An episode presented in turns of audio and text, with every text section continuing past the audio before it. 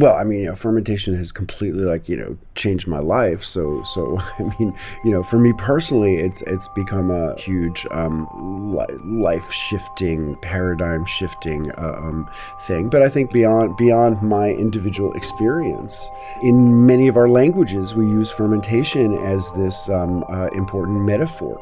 You know, we talk about a period of great uh, cultural ferment or political ferment, and um, so you, you know, it's basically when people get excited, when people get agitated, when people get bubbly, um, you know, when people um, uh, uh, like are talking to each other about ideas that that that matter to them.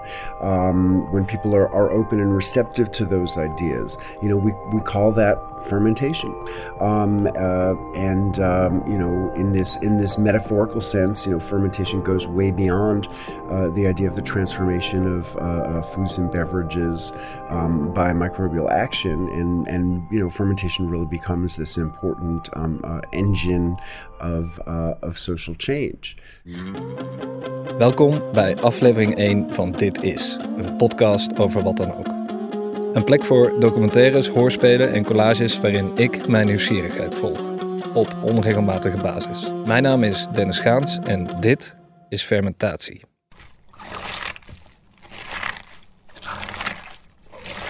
Dit is het geluid van zuurkool maken. Je snijdt een witte kool, gooit er 2 tot 3 procent zout bij, wat kruiden en je begint het goed door elkaar te kneden. Als de kool vochtig genoeg is, kun je hem in een pot onder dat vocht laten verdwijnen en heb je na een poosje wachten zuurkool.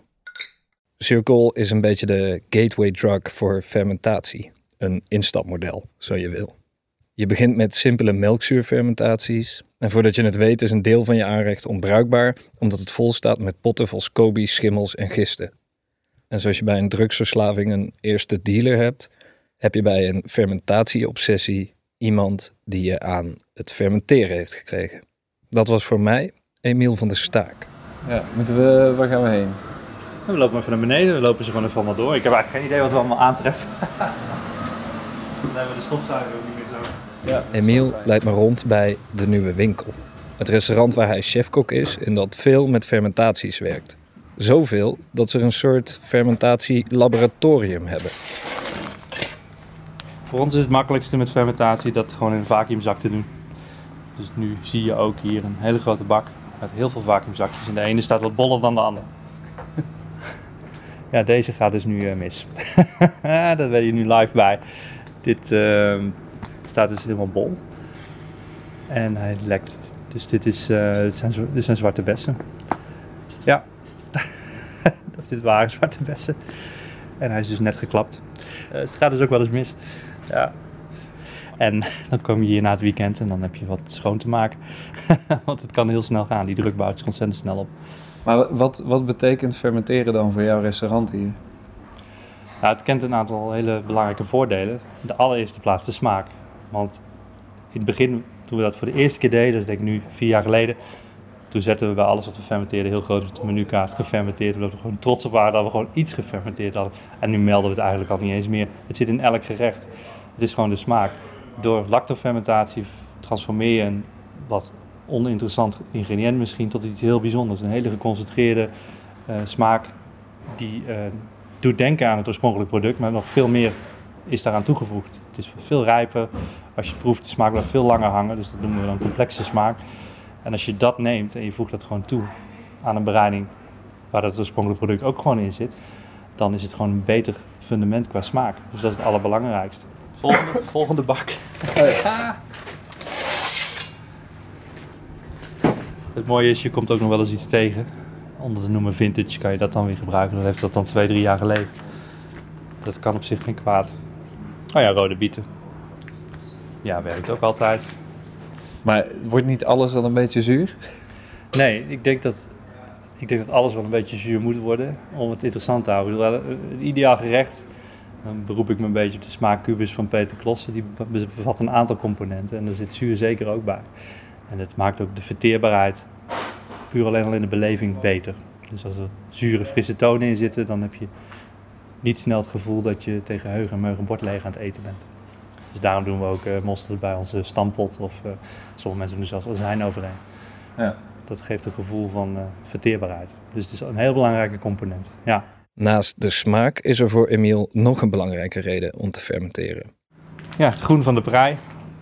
Dat is een klassiek ingrediënt bedoeld voor de prullenbak. En ook daar zijn we op zoek gegaan naar allerlei manieren om dat te verwaarden. Dus fermentatie is een waanzinnig goede manier om daar een hoogwaardig product van te maken. Want het sap wat hier dan weer afkomt na ongeveer 10 dagen, dat uh, hebben we natuurlijk weggezet met 2% zout. En dat sap is waanzinnig intens, heeft iets van prei, is ook wat zuur. En dat gebruiken we weer later in, uh, in bereidingen als uh, extra sma smaakmaker. Dus dat is meer de, het verhaal van de afvalstroom. En waarom gooien we dingen eigenlijk weg en kan dat niet anders? Daar zijn we ook continu druk mee. Fermentatie helpt enorm. Want eigenlijk kan je alles fermenteren en uh, heb je altijd een resultaat. maar zeg niet of het een goed resultaat is. Nee, of het uh, werkt is het niet uh, qua smaak, dat is altijd maar weer de vraag. Maar hoe dan ook levert het iets op wat eetbaar is en het transformeert. En daarmee heb je alweer een stap gezet in een richting die misschien mogelijk maakt dat je het alsnog kan verwaarden. Ik herken Emiels redenen om te fermenteren. Ik hou van zuur en ik hou niet zo van dingen weggooien. Maar het voelt ook alsof ik dan iets mis. Alsof dat niet alles is. En ik heb het niet alleen over mezelf. Fermentatie lijkt hipper te zijn dan ooit. Dat is wel een beetje een nadeel. Nou, steeds meer mensen gaan fermenteren. Moeten wij beter ons best gaan doen? Ja, dat is wel om nog een ja. beetje origineel uit de ja, kast ja, te komen. Dan krijg je opeens vragen waar je geen antwoord op weet tijdens de workshop. Vorig jaar kon eh, je, ja, precies. Vorig jaar kon je nog zeggen, nee, cirkel, lekker curry gewoon erdoor. Oh, dat is bijzonder. Ja. Dan komen we niet meer mee weg. Ga ik, ga ik jullie om een omvraag stellen of gaan jullie elkaar gewoon uh, in de reden vallen? Ja, dat doen we altijd. Mijn naam is meneer Wat Etels. Ik schrijf over eten. En ik ben Christian Meij, auteur van Verrot Lekker en uh, food designer. Waar zijn we? Rotzooi Festival in Rotterdam. Juist, het Rotzooi Festival. Een festival volledig gewijd aan fermentatie. Georganiseerd door Christian Wij en meneer Wat Eet Ons. Ook zij herkennen dat het een hellend vlak is. Als je eenmaal begint met iets te fermenteren, heb je al gauw een uit de hand gelopen hobby. Mijn vader deed het al met uh, groente uit zijn moestuin. En uh, op een gegeven moment had ik in mijn gedachten van ja, dat, die zuurkool die mijn vader maakte was eigenlijk veel lekkerder dan wat ik nu nog koop in de winkel. Laat ik het eens een keer proberen. En dat bleek zo simpel te zijn en zo lekker. Dat het voor mij eigenlijk vanzelfsprekend was om te kijken van ja, maar wat kan ik dan nog meer? En dan begint de zoektocht. Ja, en die eindigt dan met een festival en een boek en uh, workshops en een hele passie. Ja. En een vriendschap. En een vriendschap. Ja. leven. Ja. ja. zeker. Een bang dat ik ga vastzitten. ja, ik heb, ik heb meer een soort hele kleuterachtige behoefte om alles uh, zelf te willen maken. En het liefst een beetje simpele producten die je voor minder geld en minder moeite gewoon in de supermarkt kunt kopen. En dat, dat is dan, ja, dan ga je eens een keer een gedroogde worst maken. En dan ga je eens een keer zuurkool maken. En dan, en dan blijkt dat als je met een afstandje naar kijkt, blijkt dat allemaal uh, fermenteren te zijn. Dus ik, was, ik ben er eigenlijk onge, ongemerkt ingerold. Want hoe kan het dat er ineens zoveel, we hadden het er net al een beetje over, het lijkt drukker dan vorig jaar nu ook. Ja. Waarom is dit ineens populair? Ja, dat heeft denk ik ten, eerste te maken dat we internet hebben. Hè? Als je vergelijkt met 50 jaar geleden had je in de jaren 70 ook al een klein uh, revivaltje van, uh, van uh, fermenteren. Maar we hebben nu internet, dus we delen alles met de hele wereld. Je ziet wat anderen doen en denkt dan van hé, hey, dat is leuk. Dat, hè, dat kan ik ook, dat wil ik ook, dat is simpel. maar aan de andere kant zijn mensen ook wel meer op zoek naar echte voeding, goede voeding moet ik zeggen. Mensen zijn een beetje zat wat er gebeurt in de industrie. Dat ze elke keer weer horen van allerlei uh, gifstoffen, problemen met dieren, problemen met dingen die in het eten terechtkomen. En mensen toch denken van ja, weet je, onze voorouders waren zo gek nog niet. Door het een en ander toch zelf te maken. En, er is überhaupt een, een, ook een culinaire interesse in dingen zelf maken. Dat, is, dat, dat is bij, bij heel veel mensen, dat is niet alleen, uh, ik geef ook workshops worst maken, die zit ook helemaal vol. Dat heeft niks met fermenteren te maken, maar mensen willen op de een of andere manier dingen ja. ook zelf maken. Ambacht en dat soort dingen. Hè. Die, dat, dat, dat, ja, dat, daar is gewoon interesse in. En, uh, en daar, daar, past dit, daar past dit naadloos in. Ja. En er is nog een laatste groep die zich met, met fermenteren bezighoudt. En die hebben dat altijd wel gedaan, maar dat draagt er nu wel aan bij. Dat zijn de mensen die, laat ik zeggen, er is veel interesse nu in, de, in, in je darmen. Hè. De kwaliteit van je darmen, de, de, de, de micro-organismen die je in je darmen hebt, de gezond microbiome, bla bla bla. En daar kan fermenteren ook een bijdrage aan le leveren. Of die twee zijn in ieder geval nauw met elkaar verbonden. Dus er is nog een hele club die het puur vanuit gezondheidsredenen uh, doet. Een kleine steekproef onder de bezoekers leerde me dat die laatste groep, die het doet uit gezondheidsoverwegingen dus, best wel groot is. Ik ben begonnen door uh, Facebook, op Facebook te kijken, YouTube-filmpjes te kijken. Het heeft te maken met mijn gezondheid. Die is uh, echt niet zo goed nog op het moment. Maar sinds ik dat ben gaan gebruiken, wordt het heel langzaam beter. Plus andere dingen natuurlijk. Uh, gewoon googelen op darmflora en gezond eten. En ja, ik google eigenlijk alles op. Ik eet ook die rauwe yoghurt. En ik vind dat gewoon leuk wat er allemaal gebeurt op voedingsgebied. En dan ga ik het ook allemaal proberen. Nou, ik maak het al 15 jaar en ik uh, ben toen de tijd op zoek gegaan omdat ik belast was met kwik in mijn lichaam van mijn amalgaamvullingen. En kombucha is een van de middelen die goed detoxt. En uh, dus ja, eigenlijk sinds, met 15 jaar lang uh, heb ik het recept ook verbeterd en uh, ja, is het helemaal mijn ding. Ik heb al liters weggegeven in mijn leven. ja, ik voel, proeven dat het gezond is en dat het leeft en um, ja, dat, ja. Ja, ja, het is ook heel lekker. Het is wel wennen om het eh, te eten, want heel veel mensen vinden het ook niet lekker. Maar dat is een kwestie van wennen. En uh, nee, voornamelijk is het uh, gezondheidsreden en gewoon helemaal back to basic. Terug naar de natuur en uh, ja, dat is het. Ja. En is er naast de gezondheidsreden nog een reden om te fermenteren voor u? Nou, zeker weten als je gaat kijken hoeveel troep er in ons voedsel gepropt wordt. En ja, het heeft natuurlijk wel weer met onze gezondheid te maken. Dat je zo puur mogelijk, maar het heeft met bewustzijn te maken. En het stukje respect voor moeder aarde. Ja. Ik zelf heb die gezondheidsoverwegingen altijd als een bijkomend voordeel gezien. Het begon met smaak en ja, prima, het is gezond. Maar het is uiteindelijk het doen, het proces, dat me boeit. Maar het is ook super, als, ook als, als kok, als voedselbereider, waanzinnige smaken ontstaan er. Het is, het is uh, een, waanzinnige transformatie die ontstaat. Dus het is uh, ook magie in de keuken dit. Ja, er zit bij mij ergens van binnen een van de oude alchemist uh, die, die wordt aangeraakt met fermenteren. Dus ja, in wezen vind ik, je bent van, van, van lood goud aan het maken met, met fermenteren. Mijn naam is Peter van Berkel uit Amersfoort. En Peter zit al ruim 30 jaar in de natuurvoeding. En daarvan is fermenteren een groot onderdeel. Voor Peter is de transformatie meer dan een transformatie van smaak alleen. Hij ziet het als een soort magie. De magie is eh, ook onderdeel van het leven. Ja. Althans, ik, ik, ik wil dat wel, ja. Ik sta er wel voor open. Ja. En fermenteren is voor jou een manier? Absoluut, absoluut, absoluut de voedselmagie. Ja. ja. Helemaal. Dat is, dat is heel interessant, want uh, een van de dingen die ik heel spannend vind, is dat er een soort mysterie ook aan zit. Je kunt het nooit helemaal je weet wel, nou ja, ik doe zout bij. Dit ongeveer gebeurt. Je kent de processen, maar... En dan moet je het ook weer loslaten en durven vertrouwen op, op die, die onzichtbare wereld. Ja. Het is ook vaak een, een, een duister proces. Hè. Het is zeg maar tot heel veel uh, fermentatie ook in donker gebeuren. Dus in een soort onderwereld. En, uh, nou, en, en, daar vindt de transformatie uh, plaats. Dus, en het herinnert mij ook wel een beetje aan mijn schaduwdelen. Dat je dat in de meeste ook moet, moet aanvaarden. Dat dat onderdeel is van het leven. En als je dat aanvaardt, dat je ook weer in wezen heel eh, veel eh, gerijpter eh, en, en, beter van smaak uit de strijd komt. Ja. Ah, dat, ja, maar dat is dat filosofische kantje. Kun je daar iets meer over vertellen? ja. nou, Niet dat je je schaduwdelen hoeft te... Nee, maar ik, ik, vind, ik vind het vooral bij, bij bijvoorbeeld uh, zuurkool maken. Dat is, dat is echt een, een stervensproces. Je, je bent aan het uh, beschadigen, aan het kneuzen. Dus die, die kool die wordt helemaal flarden gesneden of, of geschaafd. Dus je, je bent aan, het verwonden. Nou, daarna je gebruikt zout, dus je bent eigenlijk zout in wonden aan het strooien. Daarna gaat het kopje onder, want het moet zuurstof, dus je, je wordt verzopen. Je wordt kopje ondergedoken en, en, eh, en, als het niet goed en als het niet eh, genoeg is, dan gaat er ook nog eens eh, dat deksel op die, die put. Dus die, je gaat de duisternis in. Ja, en dan, en dan moet je het maar uitzoeken wat er gebeurt. En dan word je dus eigenlijk geconfronteerd met jezelf. En, en dan moet je op reis door de onderwereld, als je dat durft te aanvaarden.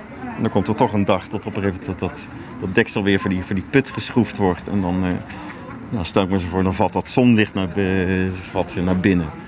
En dan kom je weer boven water en dan kom je dus als een soort phoenix, uh, kom je herboren uh, er weer uit. Ja. Maar jij, jij, gaat zelf toch niet kopje onder? Nee, soms, in de, soms zijn er wel levensprocessen dat dat, dat wel dat je eh, daar natuurlijk ook wel wat van, eh, van dit soort processen ervaart. En, dus het is eigenlijk ook een soort meditatie op het leven? Nou, ja, ja, eigenlijk wel. Ik heb daar wel, ik heb daar wel echt hele sterke gedachten mee. Ja. Als ik dat dan ook vertel, dan is het ook weer iets wat mij ook, ook erg diep van binnen ook echt raakt. Ja, van, het, het, gaat, het gaat dieper dan, uh, dan zomaar een, een, een, een, een kookboekenkunstje. Dit, uh, in ieder geval voor mij. Ja. Ja. Toch ook weer die, die, die, die, die magische wereld. Van, ja, dat is ook wel iets waar ik ook wel heel erg op kik gewoon. ja. Dan voel ik me echt wel een, oud, een van de oude tovenaartje uit een of ander vorig leven. Die nou weer hier achter zijn potje staat. En, ja.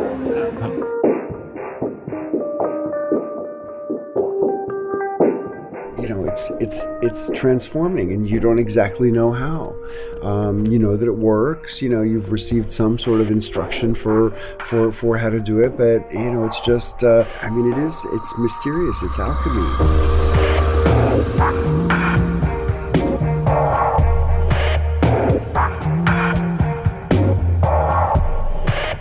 you know, we don't know exactly what's going on. So, you know, we can have a, a, a, microbiological analysis and say, okay, these organisms are in it, but we can't see them. We're just sort of like taking everybody's word for it. And ultimately, there's more that we don't know about bacteria and how they how they interact with one another and how they function than we do know. And to some degree, especially these longer term ferments, it's just sort of an act of faith. Um, you know, you mix your koji with your mashed up beans and, and salt, and then you pack up your crock and put it in the cellar and wait for a year or two. And you know, I hope it's going to turn into miso.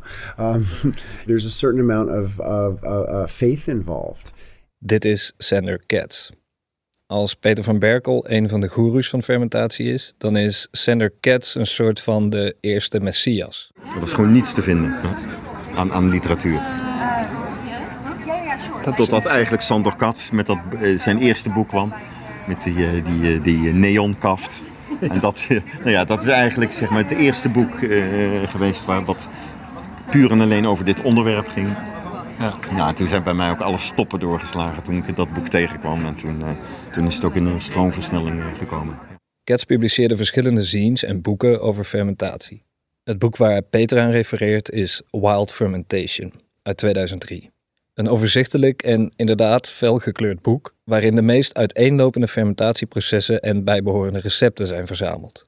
In 2012 volgde het vuistdikke, bijna bijbelachtige The Art of Fermentation, waarin Katz ook schrijft over het mysterieuze aspect van fermentatie.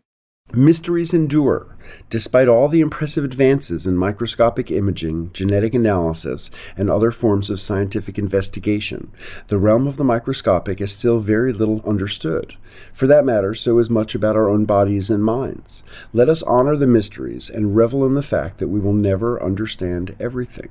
Dit stukje komt uit een manifest dat onderdeel is van het boek. You don't see a lot of uh, cook or uh, it's technically it's not a cookbook, of course, um, but um, food books including manifestos. Why is that? Why don't you see uh, uh, more books uh, um, um uh, with manifestos? Uh, I don't know. I mean, one of my I mean, I won't say one of my. I mean, my major interest, you know, in in writing about food and teaching about food is getting people to sort of enlarge the context for for for thinking about it. Voor Cats is eten en specifiek fermentatie een lens waardoor je anders naar de wereld kunt kijken. En daarom is er ook een manifest. Can't say it's my favorite thing reading my words out. You ever read the whole thing? If it's okay? Yeah, sure. We must reclaim our food. Food is much more than simply nourishment. It embodies a complex web of relationships. It is a huge part of the context in which we exist. Het manifest gaat over relaties tussen ons en de dingen om ons heen. Relaties tot planten en dieren, tot bacteriën, tot boeren en voorouders, tot mysteries, tot de gemeenschappen waarin we ons bevinden, tot materialen en tot wat Cats movements of resistance noemt. De messias van de fermentatie is namelijk vooral ook een activist. I mean, I recognize that many people who become interested in this, you know, are, are, interested for some specific purpose, either dealing with health problems and wanting to improve their health, or they're um, uh, food lovers or or chefs uh, who want to sort of you know work with the you know special compelling flavors of, of fermentation. They're they're farmers looking to create value added products. I mean, you know, there's all kinds of very you know kind of specific reasons why people get interested in this, but you know, my interest is is trying to get them to enlarge their perspective and see that um, this isn't something that's just about um, uh, exciting flavors. It's not something that's sort of you know just uh, uh, about creating viable products that, that you can sell. It's not just about improving you know your digestive uh, uh, uh, system. That it you know it just relates to all of these bigger bigger things. So um, I'm interested in in you know empowering people with skills, and, and ultimately what I think that that can facilitate is people becoming actors in their own food production. Um, so that instead of just being totally passive uh, uh, uh consumers who f- for whom food is you know sort of merely a transactional commodity food becomes something that you're part of making and creating. And I think that really sort of shifts relationships. And um, I, mean, I think that, you know, we need to become more connected to our food. We need to become more connected to our environment more broadly. And um, I think that our, our, society would shift in very significant ways if more people were, were, were doing this.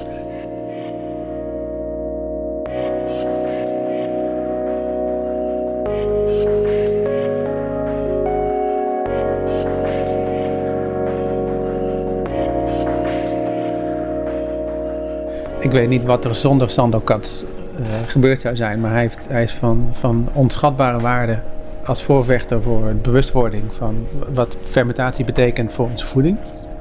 Daar ben ik ook een, een, een, een, een, een uh, nazaat van, zeg maar. In de, wat wil dat? Uh, mijn naam is Saskia Scheerder en ik ben de oprichter van uh, Manenwolfs Rokerij en Foodlab. We zijn er. Waar zijn we? Ja, we zijn in, uh, uh, in mijn keuken. Het heeft een soort min of meer logische opbouw ehm, van potjes die gevuld moeten worden naar processen die in de keuken plaatsvinden. Um, en aan de kast aan de rechterkant voor de kijkers links, um, voor de luisteraars links, staan alle, alle potjes die afgevuld zijn. Dus er zit een soort van in-out systeem in het foodlab. Ik ontmoette Sasker aan de vooravond van mijn interview met Cats. We zaten toevallig naast elkaar bij een etentje en raakten in gesprek. En toen het woord foodlab viel, ging ik aan.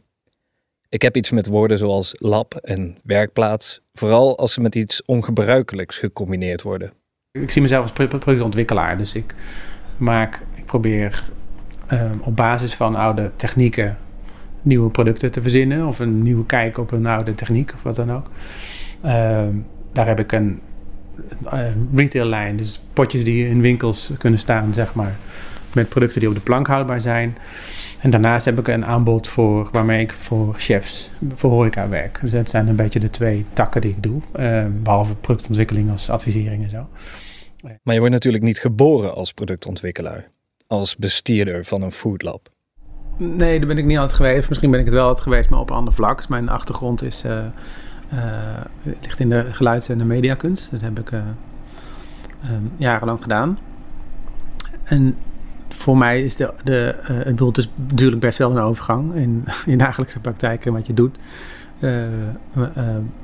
maar het is nog steeds, bij een persoonlijkheid zit er nog steeds in die het doet. Dus ongeacht het eindproduct, zit er waarschijnlijk meer overlap in dan, dan verschillen. En um, processen en techniek, waar die samenkomen, dat heeft altijd wel mijn fascinatie gehad. Ook in mijn oude vak, zeg maar. Uh, en hier ook. Dus waar, waar, waar eten aan techniek en tijd raakt, dan, dan, dan, dan spits ik mijn oren, zeg maar. Dan, dan raak ik geïnteresseerd in iets. Van hoe werkt dat?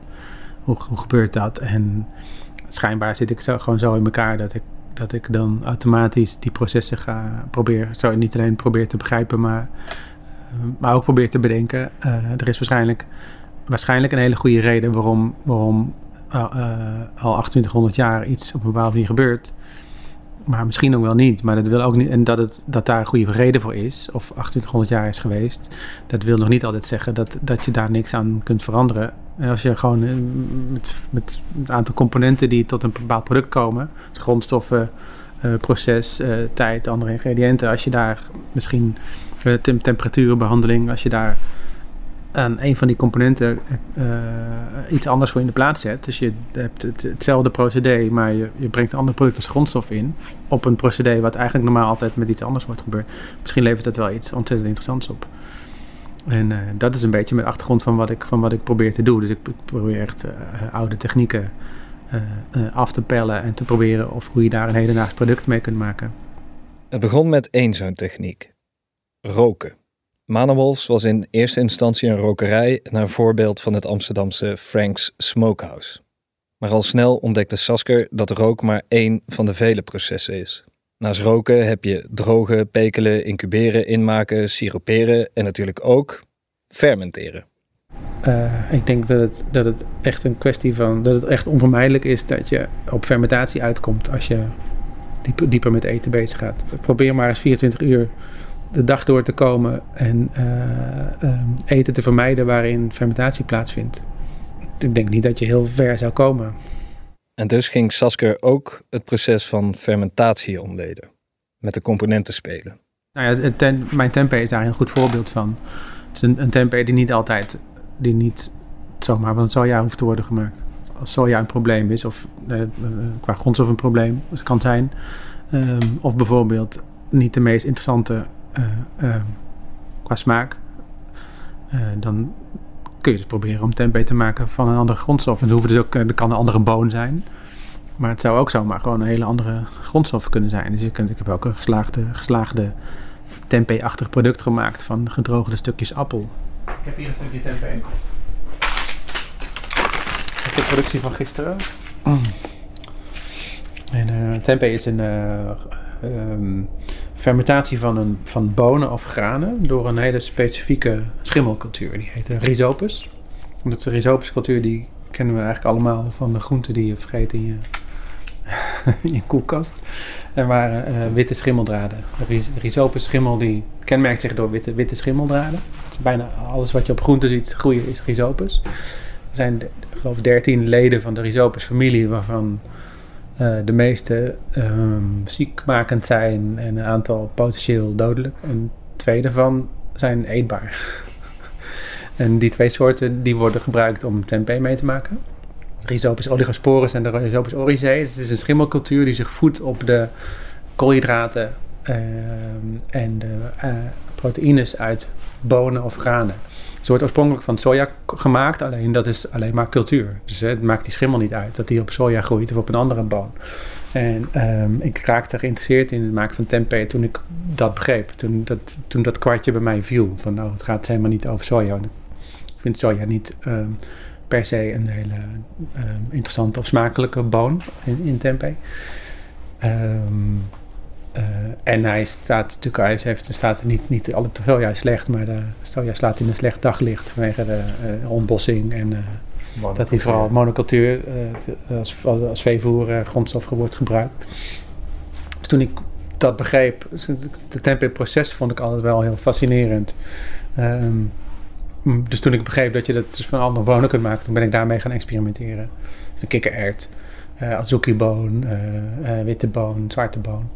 En ik maak nu dus de, tempeh van... Ik heb een, mijn, mijn default tempeh, mijn, mijn standaard tempeh is die van zwarte boon. Ik kan hem van meerdere bonen maken. omdat hij in het proces heel, heel mooie boon maakt.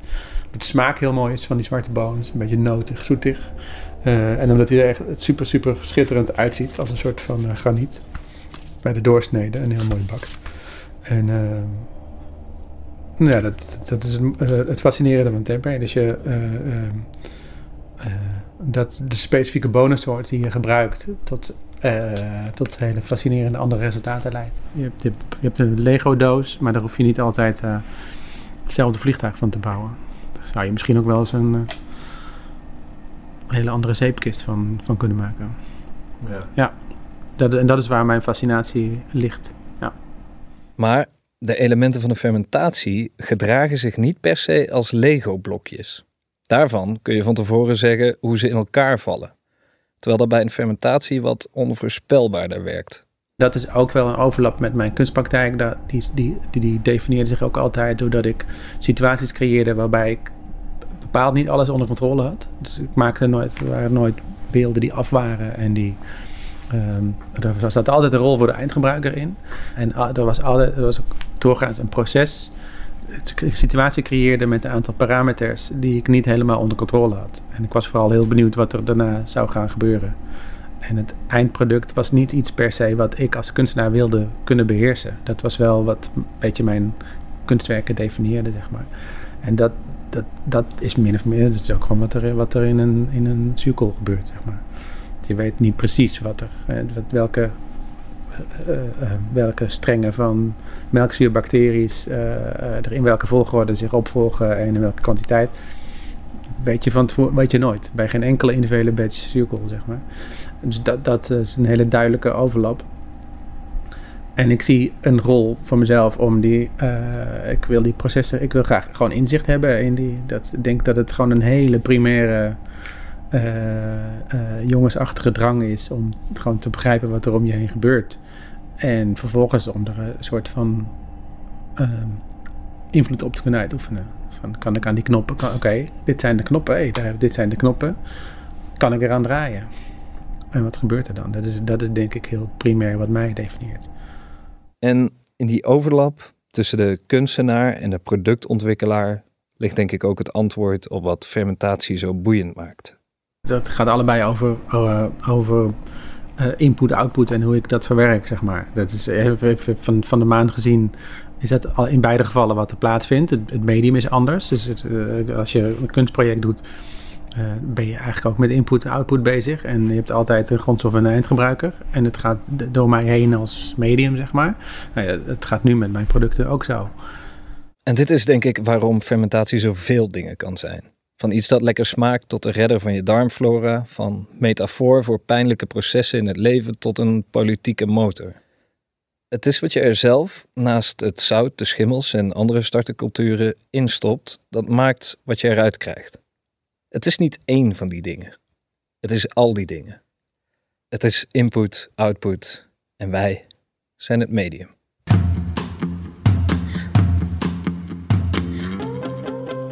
Dit was fermentatie. Voor nu.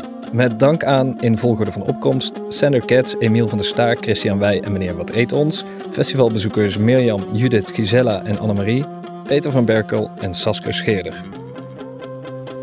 De intro en outro muziek van deze aflevering is This is Normal van Vienna Ditto. Dit was de eerste aflevering van Dit Is, een podcast over wat dan ook. Vond je dit nou tof? Laat dan een recensie achter in je favoriete podcast app. Maar belangrijker nog, vertel het je vrienden. De volgende aflevering verschijnt als de schimmel klaar is met het materiaal. Die schimmel ben ik, ik ben Dennis Schaats. Bedankt voor het luisteren en tot dan.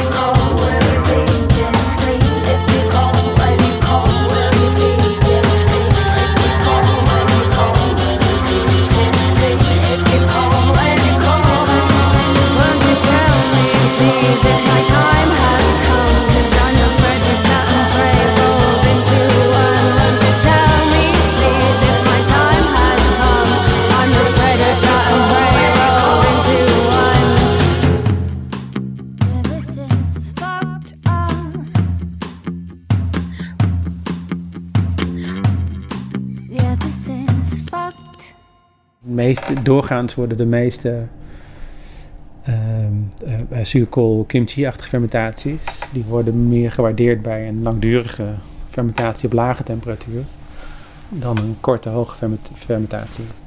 Ja. Waarbij, waarbij je sneller bij je eindproduct bent, maar vaak een wat minder subtiele uh, smaak oplevert.